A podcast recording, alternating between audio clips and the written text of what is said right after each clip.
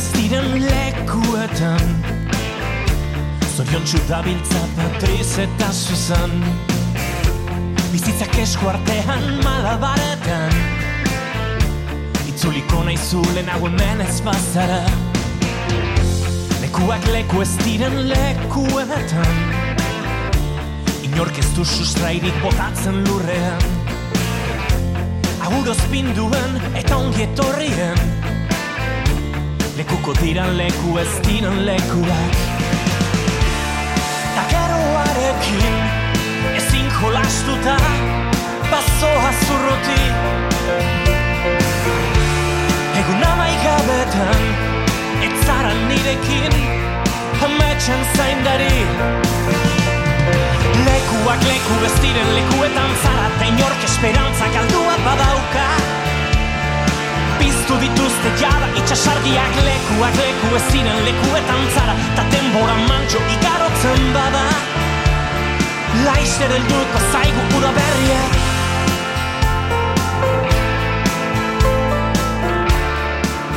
Nuestro saludo desde la Casa de la Palabra. Aquí nos escucháis en la sintonía de Radio Euskadi. Retomamos entrevistas del programa para volverlas a emitir y así enseguida estamos escuchando de nuevo a Araceli Tamayo. Araceli que concluyó el camino de Abraham a su paso por Cisjordania. Son 330 kilómetros a pie y se cruza por más de 50 poblaciones palestinas desde Rumana hasta Beit Mersin, localidad algo más al sur de Hebrón. Araceli pues lo ha hecho en dos tandas, la primera fueron dos semanas seguidas y la segunda tanda fueron cinco días. Escucharemos justamente esta segunda tanda que hizo Araceli Tamayo por el camino de Abraham por Palestina.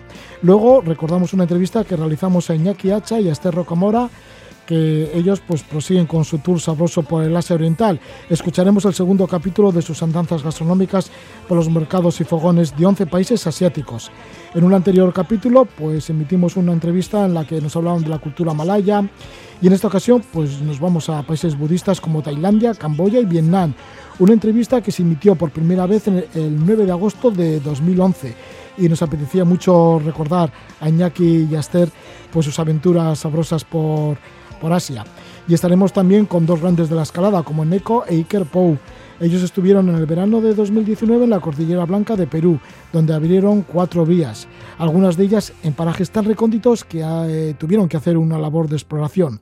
Esta es la segunda vez que estaba en la Cordillera Blanca y les escucharemos a Neko Iker Pou y Iker Pou en una entrevista que se emitió por primera vez el 27 de septiembre de 2019. Ahora estamos recorriendo Palestina a pie con Araceli Tamayo.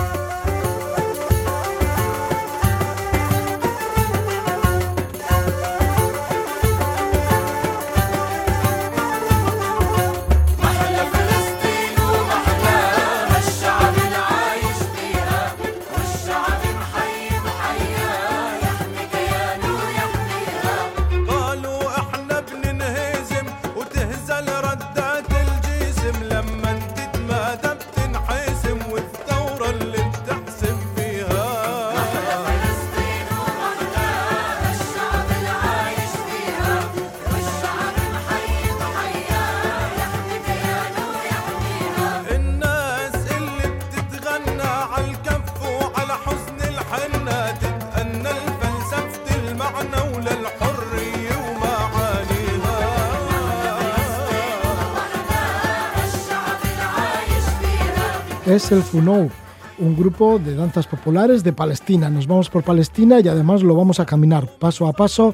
Vamos a recorrer Cisjordania desde el norte hacia el sur. Esto es lo que ha hecho una caminante de Bilbao como es Araceli Tamayo. Araceli Tamayo, que ya estuvo con nosotros en un anterior programa de la Casa de la Palabra, hablándonos de la primera etapa del Camino de Abraham. Ella fue en noviembre de 2018 y hizo 15 días desde Rumana, la población de Rumana, al norte de Cisjordania, hasta Belén. Luego volvió y en marzo de 2019 hizo una segunda etapa, esta vez ya en primavera, y fue desde Belén hasta una localidad que se llama Beit Mersin, que esto está ya más al sur de Cisjordania, bueno, la parte más al sur, incluso más al sur todavía de Hebrón, también pasó por la población de Hebrón.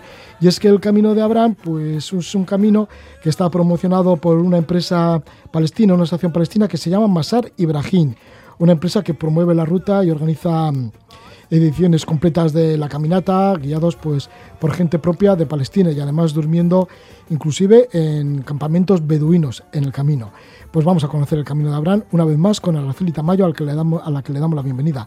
Gabón, buenas noches, Araceli. Buenas noches, Roge.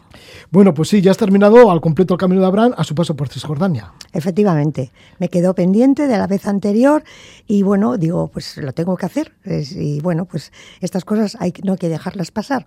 Digo, pues tiene que ser la siguiente, em, el siguiente viaje que lo organizan ellos en grupo, que uno de ellos, como lo hice, es en noviembre y ahora, eh, bueno, sí, el año pasado em, se volvió a hacer en marzo. Entonces yo retomé el camino en, en marzo desde Belén.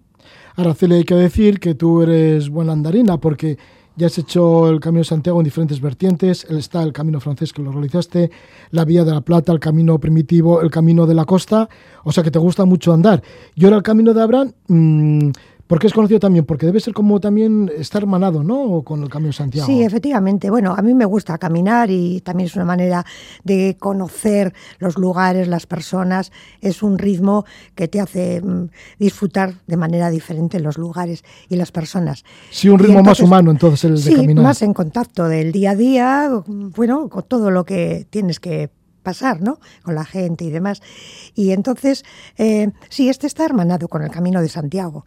Eh, incluso eh, te dan eh, pues un documento en el que vas sellando cada pues lo mismo que el Camino de Santiago. O sea en ese aspecto vinieron aquí y, y, estudiaron un poco cómo lo hacían y ellos han intentado también hacerlo de esa manera no incluso te dan un certificado al terminar y demás. Y bueno esa es un poco la idea no de Sí, en la primera etapa, las primeras etapas, los primeros 15 días ya nos comentabas que partíais ahí del norte de Cisjordania, que es una zona así como bastante olivos, que incluso participabais en alguna tarea con los campesinos del lugar.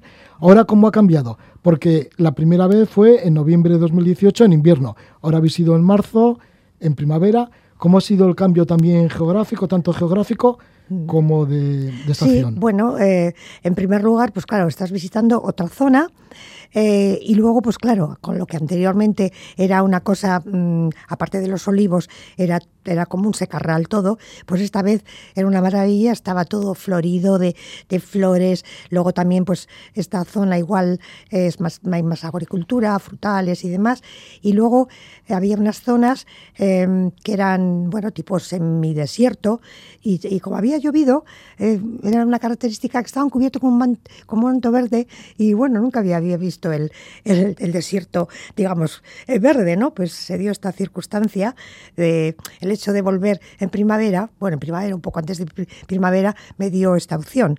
¿eh? Y luego, pues, ¿en qué había cambiado? Bueno, básicamente es lo mismo, tú estás caminando, eh, vas con, con, otro grupo de gente, eh, que estos, yo me incorporé al grupo mmm, en Belén, ellos ya habían caminado 15 días y entonces un poco la, el, ambiente es eso, tú estás mm, compartiendo con ellos, luego estando, eh, entonces las noches también, eh, según qué días, estás en casas particulares, también esta vez estuvimos en un campamento de beduinos y bueno, pues mmm, prácticamente se repetía un poco la infraestructura y demás, ¿no? Pero bueno, mmm, pero siempre visitando lugares diferentes. eh. Siempre tienes que ir con algún guía palestino, no puedes ir por tu cuenta, o también tienes que ir en grupo, porque tú las dos veces lo has hecho en grupo. Sí, yo lo he hecho en grupo porque, claro, era yo sola, pero también te dan este esta asociación te da la posibilidad de que, bueno, pues gente por tu cuenta, dices, yo quiero contratar y quiero hacer dos jornadas, esta o la otra. Entonces hay posibilidad de contratar la infraestructura de guía y alojamientos en otro, cualquier otro momento. Pero como eran ya salidas fijas con otra gente, pues yo aproveché a unirme a esta posibilidad de ir con otra gente y que me lo dieran todo hecho, claro, porque lo de caminar por cuenta propia, pues supongo que sí que se puede hacer, pero el camino no está definido porque, claro, con los asentamientos y con que la construcción que están continuamente construyendo, hay veces que hay que hay que cambiar un poco la ruta. ¿Eh? y entonces, pues no sé, mm, yo no, no lo veo muy claro. Sí, los asentamientos judíos que igual van cambiando la ruta, ¿no? Porque de repente se, mm. se asientan allí los israelíes y, cambia la situación. Sí. ¿Y cómo está el tema de seguridad? ¿Es un camino seguro el camino de Abraham por Palestina? Sí, perfectamente, perfectamente. Es más, por ejemplo, pues cuando ves algunos, una vez fuimos a la noche bueno, para ver amanecer, eh, y allí vimos al, eh, a una cierta altura, veíamos el Valle Jordán, entonces había eh, pues un, grupo del ejército. Entonces, no, yo creo que no, no te molestan en absoluto, y es en absoluto.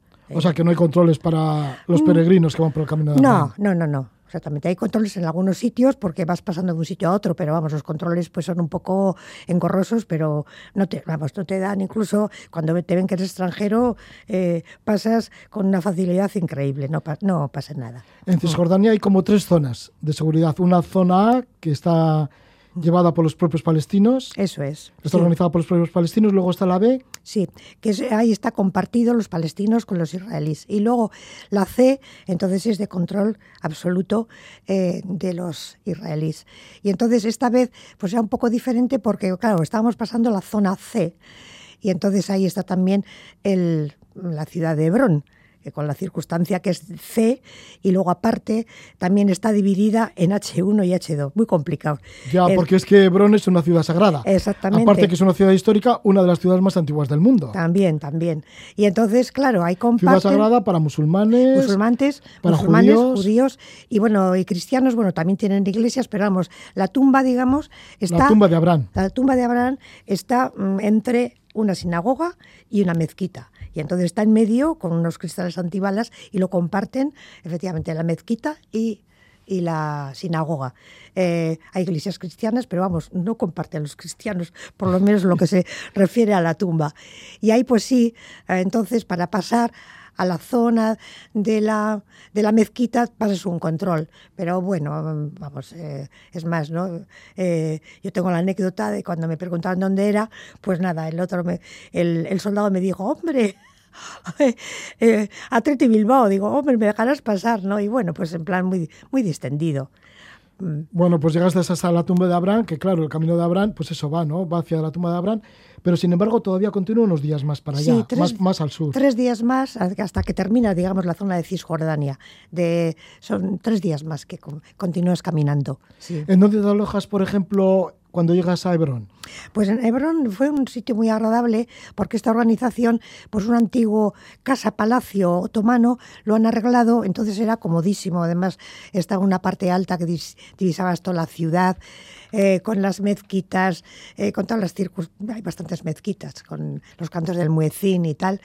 Y, bueno, pues eh, resultaba muy agradable. Yo tenía una habitación hermosa, con un balcón que veía toda la ciudad de Obrón. Y bueno, pues era a la noche me gustaba salir y pensar, pues todo ese sitio con tanta historia y tanto problema, era, era un sitio especial especial. Luego también, pues bueno, una seguridad total, ¿no? Pues impedimentos que ves, que tienes que pasar este checking point y tal. Y luego, pues también el viernes Allí yo vi también una, historia eh, de lejos, pues que los chavales se dedican un poco a echar pedrada. ya de puro, de puro, yo creo, eh, eh, no sé, pues mm, se sienten verdaderamente oprimidos o tener que andar pasando todos estos puestos mm, de control y demás, se dedican a tirarles piedras a los a, los militares. Entonces los, los chavales palestinos a los militares Sí, sí. Y bueno, pues tantos años de hostigación. Sí, y efectivamente. entonces están, no, bueno, y son chavalitos, ¿eh? Y entonces los otros echan, eh, pues, eh, mm, eh, lacrimógenos y ya se marchan. Y bueno, pues es un poquitín, un poco la actividad que hacen los pobres chavales, ¿no? Sí, esto, lo vimos. En Hebrón, en Hebrón. Sí, porque el camino normal de las tres semanas que has seguido por el camino de Abraham. No, no, no, no es, es, todo tranquilo y demás. Y esto, pues bueno, fue una anécdota que lo vimos de lejos, ¿no? Pero vamos, en ese aspecto, ningún problema. Sí, también sirve esta asociación palestina, la asociación Maser Ibrahim, lo hace esto para desarrollar el turismo en las propias comunidades palestinas. Sí, de eso se trata, un poco conocer un poco la realidad, em, tener contacto con las personas, luego ayudar un poco también a la economía local, ¿no? porque luego estás en todo tipo de casas. Hay casas con un cierto nivel, luego otras como muy normalitas, pero te ofrecen ellos lo que tienen y compartes todo con ello. Entonces es una manera mm, de ver un poco la realidad. Y luego esta gente pues tampoco te, o sea, acepta, es el día a día tan duro con, con normalidad. ¿Entiendes? O sea que no, no, no les ves ahí angustiados, lo, lo, lo, lo asumen, lo asumen perfectamente. ¿Cómo son las paradas del camino? Porque bueno, llegáis de un lugar a otro, ¿cuántos kilómetros hace- hacéis al día? No es mucho, ¿eh? Bueno, pues el igual más largo pues, sean 22, pero lo demás pues son 14, 15. Entonces, pues te paras a tomar, pues si eh, pasas por una zona que hay unos rebaños, se acercan los pastores a charlar, te ofrecen café. eh, luego, pues igual hay unas ruinas que te paras un poco a ver y a tomar algo, mm, pues o fruta o lo que sea. Pero todo es mm, como muy tranquilo y, y bueno, mm, es de disfrutar verdaderamente. Mm. Disfrutas mucho caminando por este lugar, por Palestina, y luego también ya como peregrinos de ir caminando día a día, y esto dura tres semanas, aunque ya lo hemos dicho, lo has hecho en dos etapas, la primera duró 15 días, la última la has hecho ahora desde Belén hasta el final, Mm. pues que os ha durado una semana, pero esto también te ayuda a reflexionar y a pensar y así. Hombre. Digo, como dicen que es el Camino de Santiago. Sí, por supuesto. Ya que has luego- hecho también el Camino de Santiago. Sí, hombre, a reflexionar y sobre todo, pues, ver un poco esta realidad, ver esas personas, cómo lo están viviendo. Y bueno, tú también intercambias, pues también estas personas que como tú están haciendo este camino, cómo sienten. Luego, pues como había bastantes mm, americanos, eh, pues bueno, viendo esa realidad que allí no la ven. ¿eh? Y entonces era gente bastante activa en cuestión de labor de voluntariado y tengo contacto con ellos que están dando charlas un poco para informar la realidad palestina, que mucha gente no la conoce. ¿Me. Solamente se habla de los, eh, mm, pues sí, de los cohetes que echan los de Gaza allí, ¿no? Pero la realidad palestina muy poca gente la conoce. Entonces, eh, pues eso, eh, también intercambiar ideas con ellos. Entonces, es un poco de interconexión con gente de otros lugares y con la gente allí local. Sí, porque tu grupo de peregrinos que te tocó, sí que había americanos, también australianos, ingleses. Sí, ingleses, eh, también un canadiense. Entonces, gente como, como muy diversa, pero también con mucho interés en conocer esta realidad. Una realidad que la conociste caminando por el Camino de Abraham, pero inclusive antes, antes de entrar en Belén, estuviste en Tel Aviv y en Jerusalén. Sí. Y en Tel Aviv me has comentado antes de empezar la entrevista que tuvisteis una alarma, ¿no? De, bombardeo. Bueno, eh, y yo nunca había experimentado esto. Fue una alarma antiaérea, digo, la había visto en las películas. antiaérea, sí. sí, sí. Había visto las películas. Digo, bueno, yo estaba ya en el hotel, era, era de noche, ¿no? Y luego ya un buen chupinazo. Entonces al día, al día siguiente me dijeron, bueno, que había sido cerca, porque claro, Gaza está muy cerca de Tel Aviv. Y entonces, bueno, no tuvo, no hubo ninguna víctima, lo que sea, ¿no? Pues porque yo creo también tienen, tienen unos, tienen también unos aparatos que, que detectan todas estas cosas y entonces, no sé cómo le llaman el escudo, tiene una especie de escudo que incluso estos cohetes, vamos, los paralizan y demás, ¿no? Pero este, bueno, este explotó, ¿no? Y luego ya me enteré que, claro, luego eh, tienen represalias, bombardean Gaza a, a discreción, ¿no? Pero bueno, pues para mí también fue una... Y los de Gaza no tienen eh, escudos antimisiles. ni Esos nada. no, esos no, esos llevan Ya. directamente, por eso. Sí, Araceli, el que quiera hacer este Camino de Abraham, ¿qué consejo le puedes dar?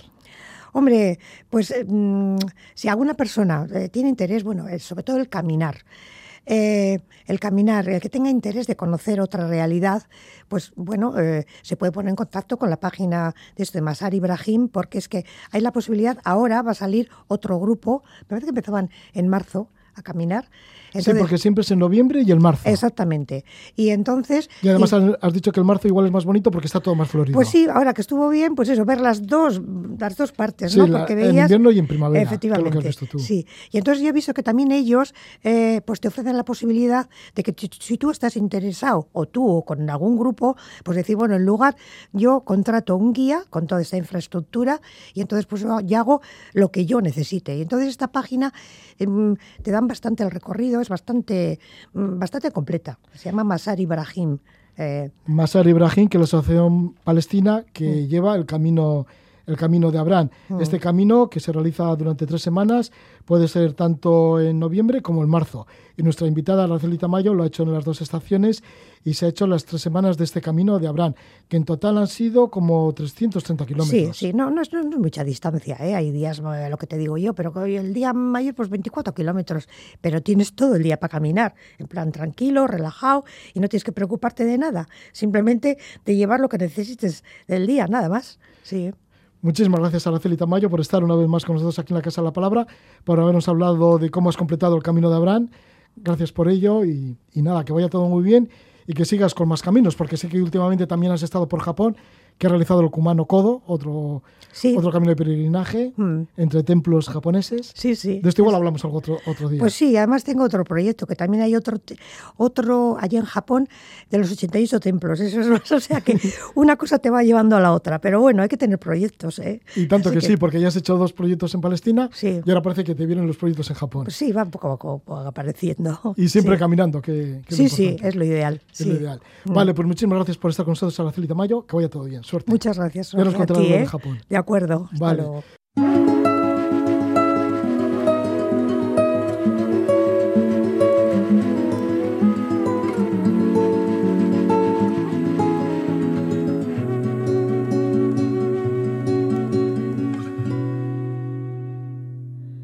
Dalam hati selalu ku sebut namamu Setiap saat hati Música cantada en indonesio. Nos vamos en la Gran Tour Sabroso por el Asia Central. Lo hacemos a través de dos personas que conocen muy bien el continente asiático o parte del continente asiático, como son Iñaki Hacha y Esther Rocamora, que han estado durante 11 meses recorriendo 11 países y su objetivo principal era probar los platos tradicionales de cada uno de estos países. Así han llamado a su tour el Gran Tour Gastronómico por el Asia Oriental. Y ahora nos vamos a situar en países de Indochina, como Tailandia, Camboya y Vietnam. Vamos a conocer su cocina a través de Esther Rocamora. Bienvenida, muy buenas noches, Esther. Buenas noches. Iñaki Hacha, bienvenido, muy buenas noches, Gabón. Iñaki. Gabón.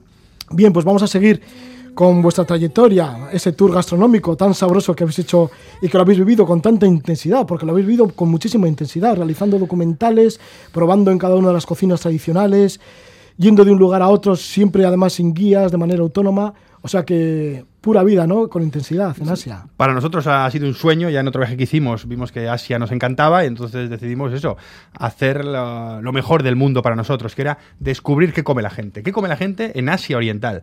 Y entonces tuvimos pues casi un año preparando el tema y estuvimos estado 11 meses grabando, viajando, solos, sin guías, sin traductores, solo para descubrir qué come la gente. Es algo muy simple, ¿qué come la gente? Eso, habéis estado grabando un vídeo que luego será una serie con el título del Gran Tour Sabroso. Luego también tenéis una página que es retosgastronómicos.com. Pero bien, vamos a comenzar con, esta, con estos países, todos ellos, como característica común podía ser que la religión principal es la budista, ¿no? ¿Cómo es, por ejemplo, la cocina Kemer? La cocina Kemer. De la cultura Kemer, ¿no? La cocina Kemer, digamos, la cocina antigua o histórica Kemer, es muy complicado encontrarla porque hablamos de que la- el- ya desde que se desvaneció el, el, digamos, el imperio Kemer, toda su cocina, que era una cocina imperial, se ha ido mezclando con otras. Y hoy en día aún se puede encontrar algún restaurante en Tailandia o en el sur de Vietnam en el que dicen cocina imperial Kemer. Pero ¿en qué se parece esa comida a la que comían en verdad la, cultura Kemer, digamos, ¿no? Los, dirigentes? Poco. Entonces lo que nos han interesado a nosotros más es la cocina Kemer de todos los días. De, esos productos y de esas técnicas que usaban en, la civilización Kemer, qué ha quedado hoy en día y qué usan de esas técnicas o esos productos todos los días la gente de allí. ¿Qué os sorprendieron estos tres países, Tailandia, Camboya y Vietnam, que de alguna manera pues por allí influyó, mucho la, la cultura del imperio Kemer? Pues, eh, por ejemplo, la cantidad de hierbas frescas que se comen en los tres países, en Vietnam, en Camboya y en Tailandia, hierbas aromáticas que suelen chocar bastante, algunas hojas incluso cuesta masticarlas, que dices, esto no se lo comería una vaca, ¿cómo me lo voy a comer yo? Pues tienen unas hojas que son más duras que las de un limonero, por ejemplo, ¿Y te las comes? y se las come la gente. Sí, sí, ¿Y- sí. y vosotros? Y bandejas. Lo hemos intentado. Lo intentas tragar, lo intentas, lo intentas. Nosotros lo intentas. hemos probado todo, absolutamente todo, Todo. lo que hemos visto. Si hemos visto que alguien comía algo en un barrio, pues siempre nos perdíamos por los barrios, hemos intentado comer lo mismo. Oye, ¿tú dónde has comprado eso? Ahí, pues ¿cuánto cuesta? Y yo lo compro y ya está. Entonces hemos probado cosas que nunca sirven en los restaurantes turísticos porque no gustarían a los extranjeros, obviamente. Hierbas que no te puedes meter en la boca, salsas de pescado fuertísimas, eh, no sé. mm, eh, algunos huevos extraídos de algunos pescados que son súper amargos. Son cosas que no se sirven en los restaurantes tailandeses, camboyanos o vietnamitas, pero que claro, si te pierdes por el polvores encuentras. Esto es lo que estabas contando de estas hierbas tan fuertes. Pues eso Bueno, que- tan duras. Sí, sí, dur- algunas son imposibles de comer y otras tienen un aroma muy fuerte. Al final te acostumbras. Y de hecho nosotros aquí hemos puesto plantitas de estas aromáticas porque las necesitamos de vez en cuando. Te acabas acostumbrando a estas cosas y parece que el cuerpo te las pide. Pero que, que- una cosa que quería decir de Tailandia muy curiosa es que lo bueno de habernos perdido por los sitios menos turísticos, porque para mí eso es muy importante porque me encanta el picante, es... eh, probar el, llegar a probar lo que la gente come de picante, el grado de picante que ellos comen a diario. Porque si tú te vas a cualquier restaurante turístico que está puesto para el extranjero, lo suavizan. Y aunque te pongan muy picante, te puedo asegurar que ese picante no se acerca para nada a lo que come uno perdido en un barrio o en un pueblo. Y en Tailandia fue muy potente el tema del picante. Hubo, una sopa que yo dije, esto es una sopa insulto, porque esto es- pica tanto que te lo acercabas a los labios y ya te estaba quemando. Era imposible comerla. Es, la- yo creo la cosa más picante que me han puesto en la vida. Y eso lo comimos en un pueblo perdido, que llegamos en moto. Sí, parece ser que sobre todo en Tailandia, en las zonas no turísticas de Tailandia, hemos encontrado que la gente lleva una gastronomía muy extrema, muy extrema en cuando solo comen productos congelados. Solo comen productos congelados, no caro comen, lo fresco. eh, no muy pocas cosas frescas porque son caras y, y sobre todo con un nivel de picante, o sea, el de todos los días Sí, en la sí. casa del, del tailandés, eh, la casa del tailandés pobre, una materia prima muy pobre y mucho picante, es lo que descubrimos. La verdad que nos sorprendió, no creíamos que un país tan rico como Tailandia, tan rico en agricultura y en todo, iba a tener una gastronomía tan pobre entre, digamos, la mayoría de la población, en los no favorecidos o como quieras llamarlo. Esther, al ir, al ir viajando por estos países, 11 países asiáticos, pero siempre yendo a lugares, pues eso, mm, bastante desconocidos, que no llega el turismo, que no, de las cuales no se habla en las guías, para ir eso mismo, a la cocina tradicional, a la cocina local, a la diaria, a- a alguna manera, de alguna manera, ¿os ayudaban los locales también para introduciros en, en su mundo cultural gastronómico? Pues cuando llegamos a estos países, ¿no? Eh, lo que es Tailandia, Camboya y Vietnam, nos llevamos una decepción por eso, porque veníamos de países de cultura malaya que parece que viven para comer y la comida es su alegría, es lo que les da alegría, hay que decirlo, la, la viven con mucha alegría. Llegamos en cambio a estos países y no recibimos ayuda de ningún tipo. Un poquito más en Camboya, siendo el país más pobre es donde más nos ayudaron. Pero tanto en Tailandia como en Vietnam les hablábamos de la comida, nos miraban, nos sonreían y no nos ayudaban para nada. Claro, porque no se imaginan que por, por qué un extranjero está perdido en un pueblo de Tailandia o de Vietnam comida. y me pregunta por qué comen aquí, por dónde puedo comer. La- no, no- no nos ayudaban, no nos decían ven aquí, vete allá, como en otros países. Mira, yo te enseño que se come, tal, o mira, o yo no hablo inglés, ahora te llamo a mi primo que habla inglés, que nos ha pasado en China, nos ha pasado en mil países, que nos quieren ayudar. No en esos países la gente no nos quiso ayudar. No. A ver, tampoco nos perjudicaron, sobre todo en Tailandia, la gente es amable y nadie nos hizo ningún mal, ni, ni nos intent- pero, pero que echamos de falta, sobre todo en Tailandia, esa ayuda. Y sí, en Vietnam Son muy simpáticos, muy delicados Sí, también, por ¿no? eso. Sí, sí. eh, no, si tú le preguntas, a lo mejor les preguntamos, venga, a un mercado, y siempre, mira, si tú lo mejor decimos no preguntar, porque cuando tú, y mira que se lo explicabas, ¿eh? y le podías poner hasta fotos. Queremos un mercado, ¿sabes dónde nos mandaban? A un centro comercial. Dicen, vale, Claro, nos porque- hemos hecho no sé cuántos kilómetros para llegar a un centro Claro, pero no se imaginan que están en per- si estás perdido, di- dirán, estos extranjeros se han perdido aquí en este pueblo, Claro. perdido de la mano de Dios, Quieren comprar y preguntan un mercado. Entonces te mandan al centro comercial. También Sí. nos pasó en Indonesia en alguna vez, porque ellos no entienden que a nosotros nos parezca atractivo un mercado de barrio. Un mercado de barrio en el que las comidas están puestas encima de una lona, encima del suelo o del barro. ¿Sabes? Eh, no entienden ah. que quieramos ir a esos sitios. No lo entienden. ¿Cómo es la gastronomía, por ejemplo, en Camboya? Pues la gastronomía en Camboya yo diría que es una gastronomía increíble, sorprende. ¿Por qué? Porque es un país, al ser tan pobre, eh, vive, eh, la gastronomía se quedó anclada en el tiempo. Entonces mantienen una variedad de productos increíble. Todos los pescados secos hacen del que salen del mecón los secan todos. Entonces tienen una forma, unas formas de prepararlos. A veces los hacen a la brasa, otras veces los hidratan o los cocinan en una salsa. Entonces es lo interesante de Camboya que como no les ha llegado la modernidad, ellos siguen manteniendo esa cocina tradicional que aquí que en Occidente la hemos perdido, que decir muchas cosas, muchas variedades de determinado tipo de productos o eso o secar pescados, secar carnes, porque no hay nevera, no hay electricidad, no hay luz, es muy cara pues es lo interesante. No sé, vivir la gastronomía de Camboya es vivir cómo está ese país. La luz es cara, así que cuando cenáis, por ejemplo, en un mercado, igual lo cenáis sin luz.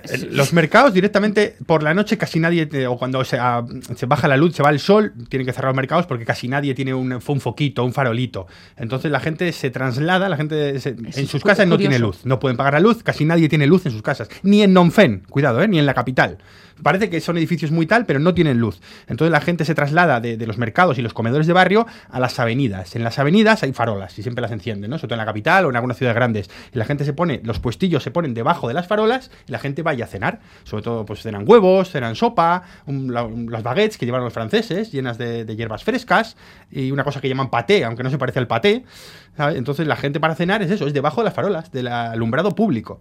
Sí, donde hay unas farolas, por la noche se junta la gente. Hemos llegado a cenar en restaurantes bien, que parecen bien, y casi a lo romántico. Por eso que la luz no hay quien la pague. No hay quien la pague. Sí, porque es carísima. Carísima. ¿Y cómo va a pagar el- doble, el triple? Y este era oídas que hasta el cuádruple, digamos, de precio, el kilovatio allí que aquí. Cuando allí cobran, pues, de 50 a 100 veces menos que nosotros.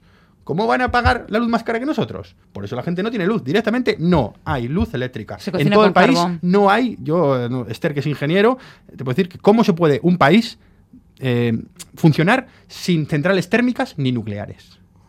¿Cómo produce la luz ese país? Con generadores. Con generadores de gasoil, cuando tampoco tienen gasoil y Si el eres- gasoil se lo venden a si eres precio de oro. O vives en una zona rica, hay un gran generador que pues lo va llenando de gasoil y entonces tú tienes luz.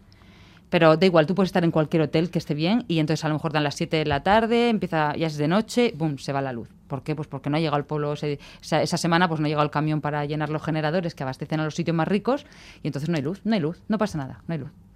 ¿Cuál es lo más apetitoso que habéis comido en Vietnam? Y ya saltamos de Tailandia a Camboya y de Camboya a Vietnam.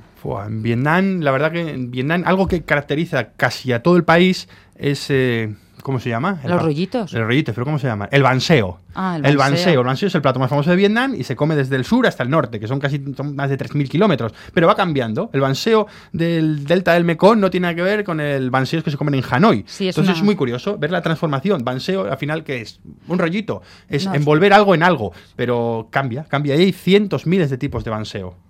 Que Sí, es- y en Vietnam pues habrá bastante variedad, ¿no? Del sur al norte. Y además es que Vietnam es una tierra bastante fértil. Muy fértil. Tiene el delta del Mekong. Hay que ir al delta del Mekong porque te, te flipas con la cantidad de frutas que tienen ahí, de hierbas, de pescados. Qué rico está el pescado de río. Buenísimo. Y entonces, eh, ves, en la zona del delta, del- porque va cambiando el país, tú allí comes más lo que son cocos, eh, la cocina tiene coco, tiene toque dulce, eh, hierbas frescas, más quemer, ¿no? Eh, vas avanzando, vas subiendo y entonces la cocina tiene más curcuma, aparece la curcuma, que es un ingrediente del curry, y luego ya conforme vas llegando más al norte, entonces te encuentras con la cocina que se parece más a la cocina china. Más Ah, sí, de algo más de salsa de soja. Salsas de soja. Sí. La verdad que es muy, muy. Vietnam es uno de los países, yo creo que más bonitos del mundo y muy interesante gastronómicamente. Y tiene sitios preciosos. Pero nuestra experiencia eh, general en Vietnam fue mala. Mala. Fue mala. Mala, mala en nos cuanto. engañaba. Porque la gente intentaba engañarnos. Todo el rato, todo el rato, sin Todo el rato, ¿eh? todo el mundo O intentaba sea, ya viene un engañarnos. turista y van a por él. Sí, eh, si estás en un sitio turístico, claro, no te van a engañar porque ya tú vas a ir a los sitios turísticos y vas a hacer uso de las infraestructuras turísticas, sea un restaurante, sea lo que sea, un hotel o una excursión. Como nosotros siempre huíamos de sitios turísticos, íbamos a pueblos perdidos o ciudades industriales que no iba nadie, claro, no, no, no sabían cómo situarnos. Además se lo ven en la cara, no saben cómo situarnos. Eh, ¿Cómo voy a sacar dinero? De este occidental. Esa era lo que pasaba por la cabeza de mucha gente que que- nos encontramos en sí. Vietnam. Se le veía en la cara. Alguna vez incluso temisteis por vuestra seguridad, ¿no? Por ejemplo, en la frontera de Vietnam con China. Sí, eso sí, se nos ocurrió, ah, eso fue a mí, eh, la locura de ir a buscar unas zonas, unas etnias que están en la frontera de China con, con allí, con Vietnam. Una Pero- zona montañosa. Montañosa, perdida, pero perdidísima. Entonces llegamos hasta el, el sitio más cercano que se puede ir en, en tren, que era Lao Cai. Y de allí, pues estuvimos preguntando por, autoterrenos, furgonetas que nos llevaran, pero por cómo vimos el percal no nos fiamos, porque ya conocimos a gente que le dejan, te dejan tirado, te llevan perdido 7, 8 horas a las montañas, te dicen, vale, mañana te vengo a recoger. Te van a recoger mañana y te dicen, vale, ahora lo que me pagaste de venir para la vuelta son 10 veces más. Y nadie te va a llevar del pueblo. Nadie te va a llevar. O sea, a no ser que pagues se va a 10 apiadar de veces más. Y hemos conocido a gente que lo ha pasado. O sea, que te quedas tiradísimo en un lugar bastante desconocido. Eh, Sí, sí, bastante desconocido, que hasta hace poco ha habido y sigue habiendo conflictos militares, porque se hace ahí incursiones de chinos en, en la, en, en Vietnam, entonces son zonas bastante peligrosas para ir tú solo y aparte para que un mal nacido te, te quiera sacar todo el dinero porque es occidental. La verdad que eso no nos gustó de Vietnam. Vietnam hay gente amabilísima, pero la verdad es el país en el que mm, Peor eh, nos encontramos. peor nos, nos hemos encontrado. Sí. Bueno, pero habéis saboreado los Buah, manjares de. Vietnam. Impresionante. es que es eso, como un país que no nos gustó tanto, nos encanta tanto su gastronomía, sus mercados, es, es su vida, sus arrozales. No he visto arrozales ¿Cómo? más bonitos que, que en Vietnam. Es impresionante. Ya, ¿y cómo es un mercado vietnamita? Pues uf, un mercado vietnamita es increíble. Es La locura. sí, es, no, es la locura. Eh, la zona de carnes, de carnicería hay que ir porque lo aprovechan todo. Entonces tú ves las tripas, todo colgando partes que no sabemos ni que aquí existen porque como no las vemos en las carnicerías, porque aquí eso se tira. Sí, yo creo que es por herencia china, incluso. Sí, por herencia china. Qué respeto le tienen a las tripas y a las vísceras, ¿eh? Y luego eh, la zona de los pescados, por supuesto, espectacular. Y la- las frutas. En el sur de Vietnam se encuentran frutas, igual que pasa en Borneo. En Borneo y en Indonesia tú puedes encontrar frutas que no encuentras en ninguna otra parte del mundo. Lo mismo pasa en el sur de Vietnam, en la zona del delta del Mekong. Hay frutas que solo se encuentran allí. Y hay que ir a esos mercados y probarlas. Frutas, yo que sé, que parecen, por ejemplo, hay unas que parecen mangos, no son mangos, es como yema, eh, tú cuando lo abres parece un mango, sabe a yema dulce, como si estuvieses comiendo una yema de huevo dulce. Otro que es una, también una forma extraña y sabe a dátil, una fruta enorme que sabe que tiene un sabor a dátil que mata. No sé, cosas increíbles. La verdad, ¿Se ¿eh? puede saber cuál es la comida más extraña que habéis, que habéis eso, pues, comido allí en, en- en- estos países, en Tailandia, en Camboya en Vietnam? Yo diría, Buah, mira, no sé, ah, bueno, aparte ver, que ver, habían Esther. cosas extrañas, mm, un plato que me pareció terrible fue ternera salteada con hormigas gigantes, unas hormigas gigantes que dan un asco, ¡buah, qué asco! Sí, porque hormigas, pero. Hormigas Sí, gigantes. gigantes, son gigantes, ¿eh? con un culo súper gordo. Es algo asqueroso. Y en los mercados, en todos los mercados, tienen cacharros enormes llenos de hormigas gigantes. Sí, sí, las en Camboya. En Camboya. ¿De dónde sacan estas hormigas gigantes? No lo sé. Las cultivarán en ¿Qué- qué casa tipo o de irán tamaño son, eh, No, pues yo que sé, hasta un pues, centímetro. O un poco más, Dos centímet- centímetros, sí, porque hay algunas centímetros. aladas, otras no son aladas. Además que las ves, tú estás comiendo la carne, eh, son eh, carne famosa, eh, la ternera, allí, el loglac o lo que sea, y mogollón de hormigas. Tú no ves una masa, te empiezas a fijar y lo grabé con la cámara y todo. en- eh, parecen avispas. Son hormigas, pero parecen avispas de lo grandes y que tienen alas. ¿A ti te gustaron las hormigas gigantes? A mí ese plato me encantó. El plato de ternera con hormiga negra me encantó. También en Camboya probé, por ejemplo, tarántulas, no me gustaron. Cigarras tampoco me gustaron. ¿Tarántulas? Sí, o sea, Peludas. o bueno, arañas negras. Tarántulas peludas, te comen los pelos y todo. Sí, Sí, sí, porque sí. se tusturria, lo hacen frito y todo. hacen se frito. Ah, Son ya. como, yo no sé si son tarántulas, pero son arañas gigantes, Peludas. negras y peludas. Igual no son tarántulas, pero se le parecen. Porque eran pero enormes, yo qué sé, 15 centímetros. Enormes. Y eso no me gustó.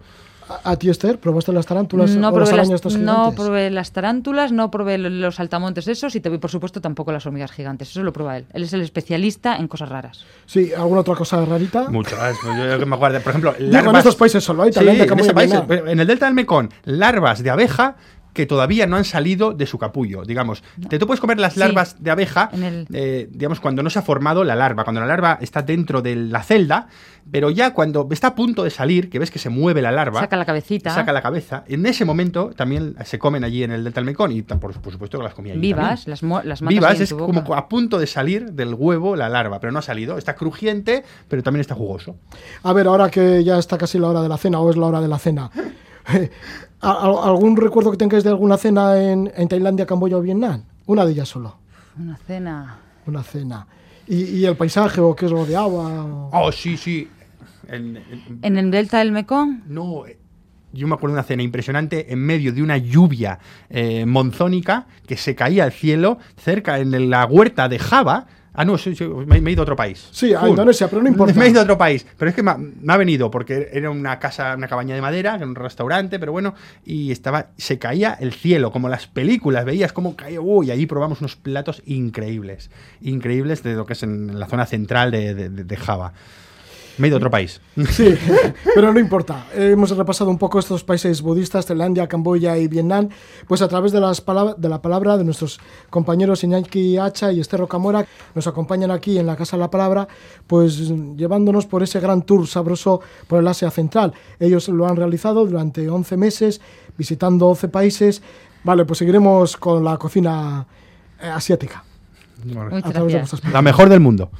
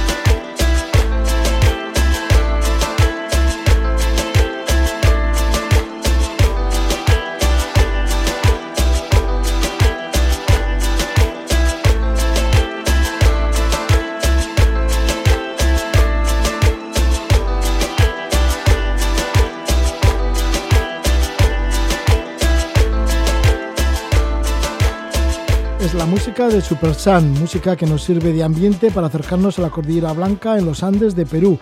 Hasta allí han ido nuestros invitados Eneco y Iker Pou. Durante el verano de 2019, Iker y Eneco han vuelto por segunda vez a escalar en la Cordillera Blanca de Perú. Han abierto cuatro vías, siempre por encima de los 4.000 metros. Iniciaron su periplo andino en el sur de la Cordillera Blanca una zona como bastante inexplorada, lograron la primera ascensión a la cara norte del Cerro Tornillo de 4.900 metros. Posteriormente hicieron la primera ascensión por la cara sur del Huanca Punta de 4.670 metros. Luego consiguieron la primera ascensión a la cara noroeste del Kazán Oeste de 5.686 metros. La cuarta apertura fue en la Cordillera Blanca, en esta Cordillera Blanca, pues se la dedicaron a su ciudad, bautizándola como Aupa Gasteiz. Estamos con Eco y Iker Pou. En Eco, Gabón. Gabón, Roge, Gabón. Iker, Gabón. Gabón, Roge. Bueno, que no paréis, que de repente estáis en Mallorca como estáis en la Cordillera Blanca en el Perú o estáis en Urnieta como en este mismo momento en Guipúzcoa y resulta pues eso que es difícil de localizaros, pero esta vez sí, tenemos un ratillo para comentar un poquito cómo ha sido vuestra escalada. Habéis vuelto de nuevo a la Cordillera Blanca, era la segunda vez, habéis tardado en llegar al Perú, pero parece que os está gustando bastante. Sí, lo cierto es que sí, lo cierto es que de todos los países que hemos visitado, este es uno de los que más nos ha llenado los últimos años. Eh, nos ha aportado un montón de, historias, ¿no? un montón de amigos también, eh, un poco parecido a lo que teníamos en la, en la Patagonia.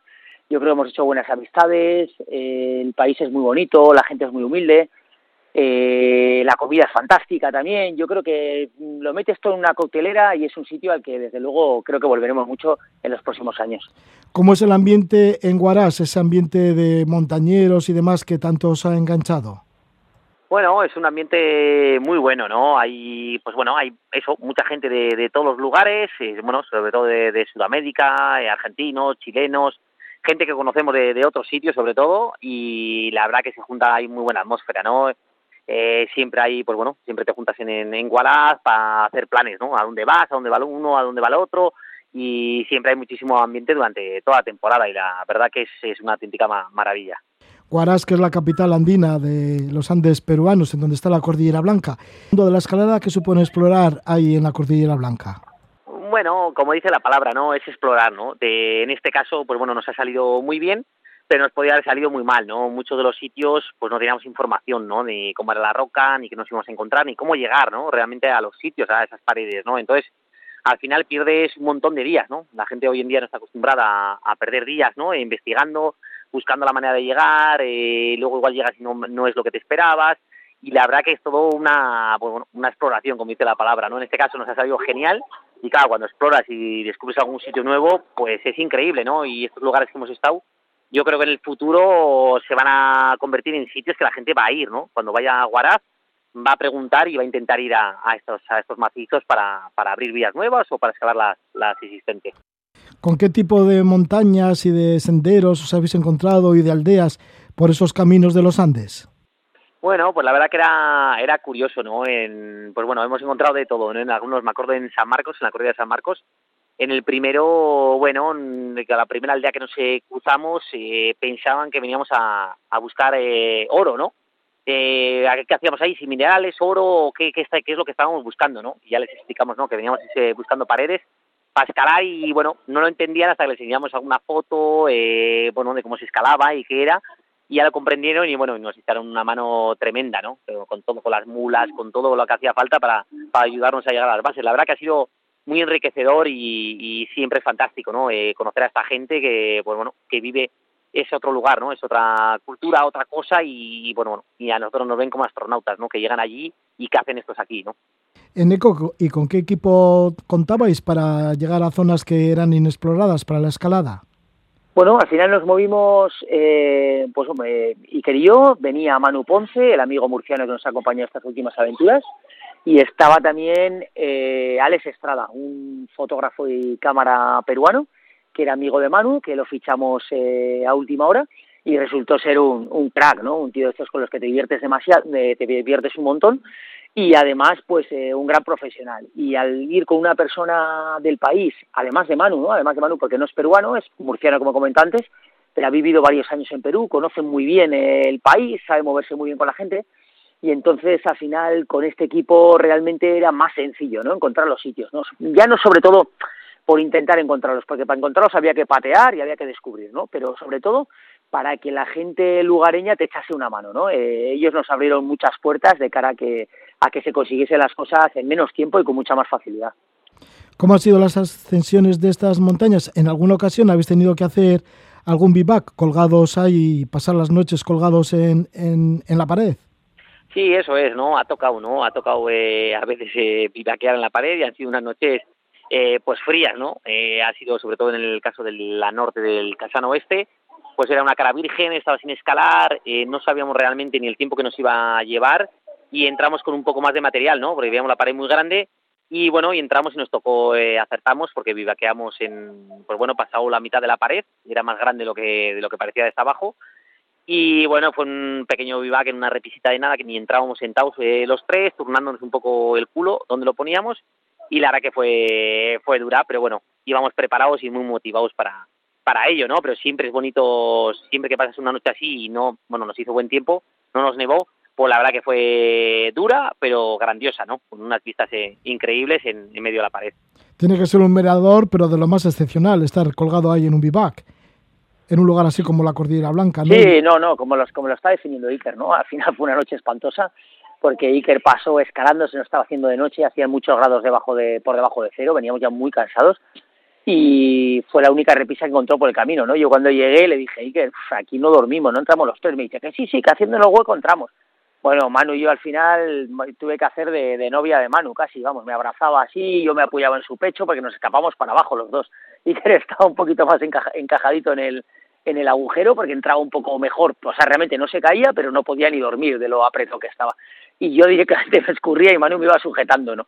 Eh, fue, la verdad es que fue una noche, una noche inolvidable. Yo, según vi la repisa, me di cuenta que allí, allí no íbamos a dormir nada. Pero bueno, lo que comentas, ¿no?